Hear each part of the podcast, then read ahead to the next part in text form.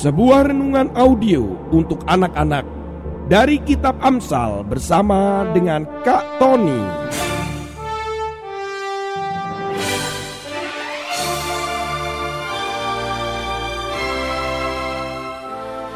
Audio inspiring message for kids.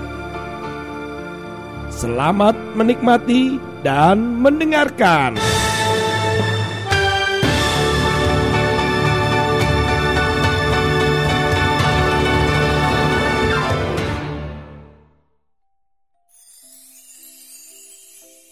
Halo anak-anak. Sampai ketemu lagi nih. Eh kok sampai ketemu lagi? Baru kita ketemu kok. Ketemu lagi dengan Kak Tony dan saat ini kalian siap mendengarkan kebenaran firman Tuhan dan tentunya siapkan hati loh ya supaya hatinya terbuka dan tetap rendah hati dalam mendengarkan renungan firman Tuhan hari ini.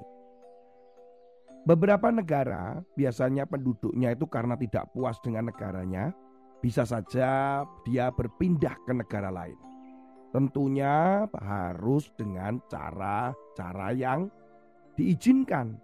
Tetapi ada banyak negara yang melarikan diri dan berpindah ke negara lain. Salah satunya adalah Meksiko.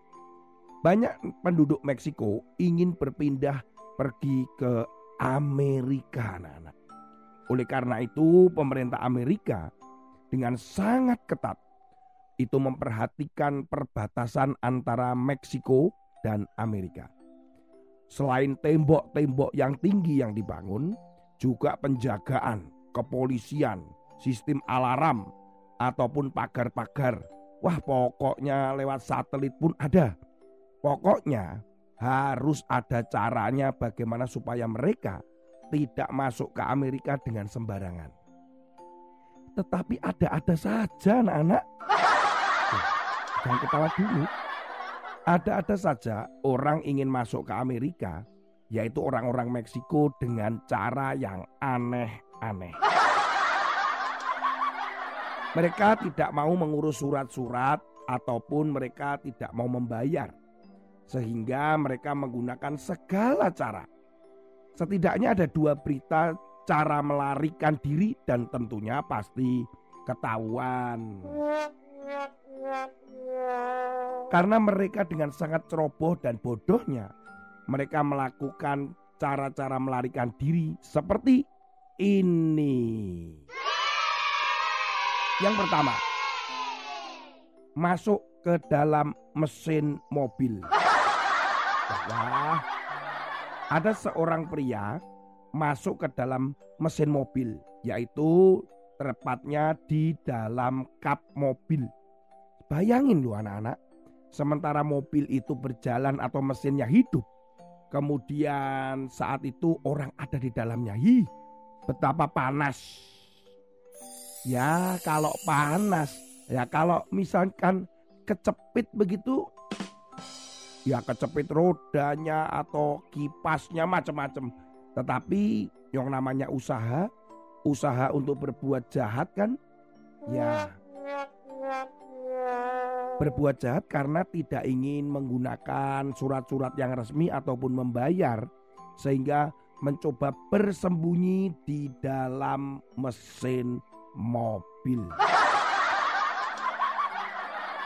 Ya usaha itu tetap saja gagal dan para petugas imigrasi tetap bisa menangkap. Kali ini yang nomor dua. Dari sebuah situs daily, seorang pria mencoba masuk ke Amerika Serikat dengan cara menyamar. Kalau manusia biasanya kan bisa saja menyamar ini, menyamar itu, sama-sama manusia. Nah ini unik anak-anak. Si pria ini masuk ke Amerika Serikat.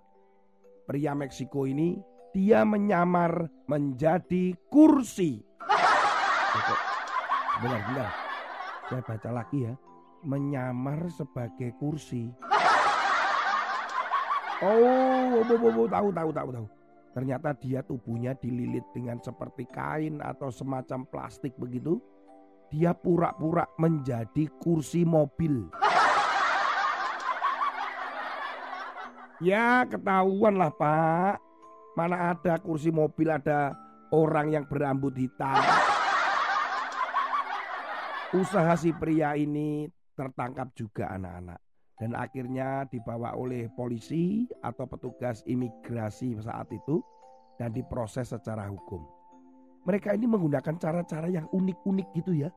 Ong jelas mereka itu dengan rencana perbuatan jahatnya malah dia berbuat yang unik-unik yang tentunya malah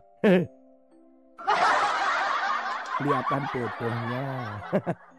ya, memang usaha, tapi kan itu rencana perbuatan jahat. Firman Tuhan hari ini kita ambil di dalam Amsal pasal 14 ayat yang ke-8. Mengerti jalan sendiri adalah hikmat orang cerdik, tetapi orang bebal ditipu oleh kebodohannya. Anak-anak, ada begitu banyak orang ingin mendapatkan sesuatu, rencana-rencana jahat, tapi dengan rencana jahat itu dia tidak pernah belajar dan malah menunjukkan kebodohannya. Sehingga ketahuan, tertangkap, begitu. Kalian juga demikian. Jangan sampai kalian itu menjadi orang-orang yang ceroboh karena tidak pernah belajar. Hari ini Kak Tony mau sampaikan sesuatu. Belajarlah yang rajin. Gunakan ilmu pengetahuan yang kamu pelajari di sekolah, yang kamu baca, kamu dengar. Tentunya ada sesuatu yang baru. Kalian pelajari dengan baik. Gunakan itu semuanya untuk kebaikan, untuk menolong orang, untuk memuliakan nama Tuhan. Jangan menggunakan ilmu pengetahuan itu yang cerdik, pandai itu yang pengetahuan yang hebat itu digunakan untuk berbuat jahat. Merancangkan untuk merampok bank. Aduh. Atau saya sudah bisa komputer Kak Tony. Saya akan membajak situs-situs. Wah. Saya akan mengambil data-datanya. Dah.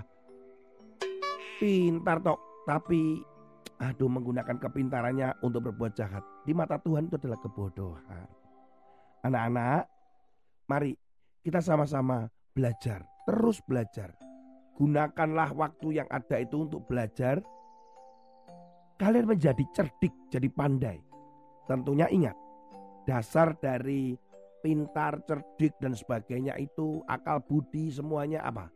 Takut akan Tuhan. Harus diawali dengan percaya kepada Tuhan Yesus. Kalian harus percaya Tuhan Yesus sebagai Tuhan dan Juru Selamatmu. Kemudian rajinlah membaca firman Tuhan.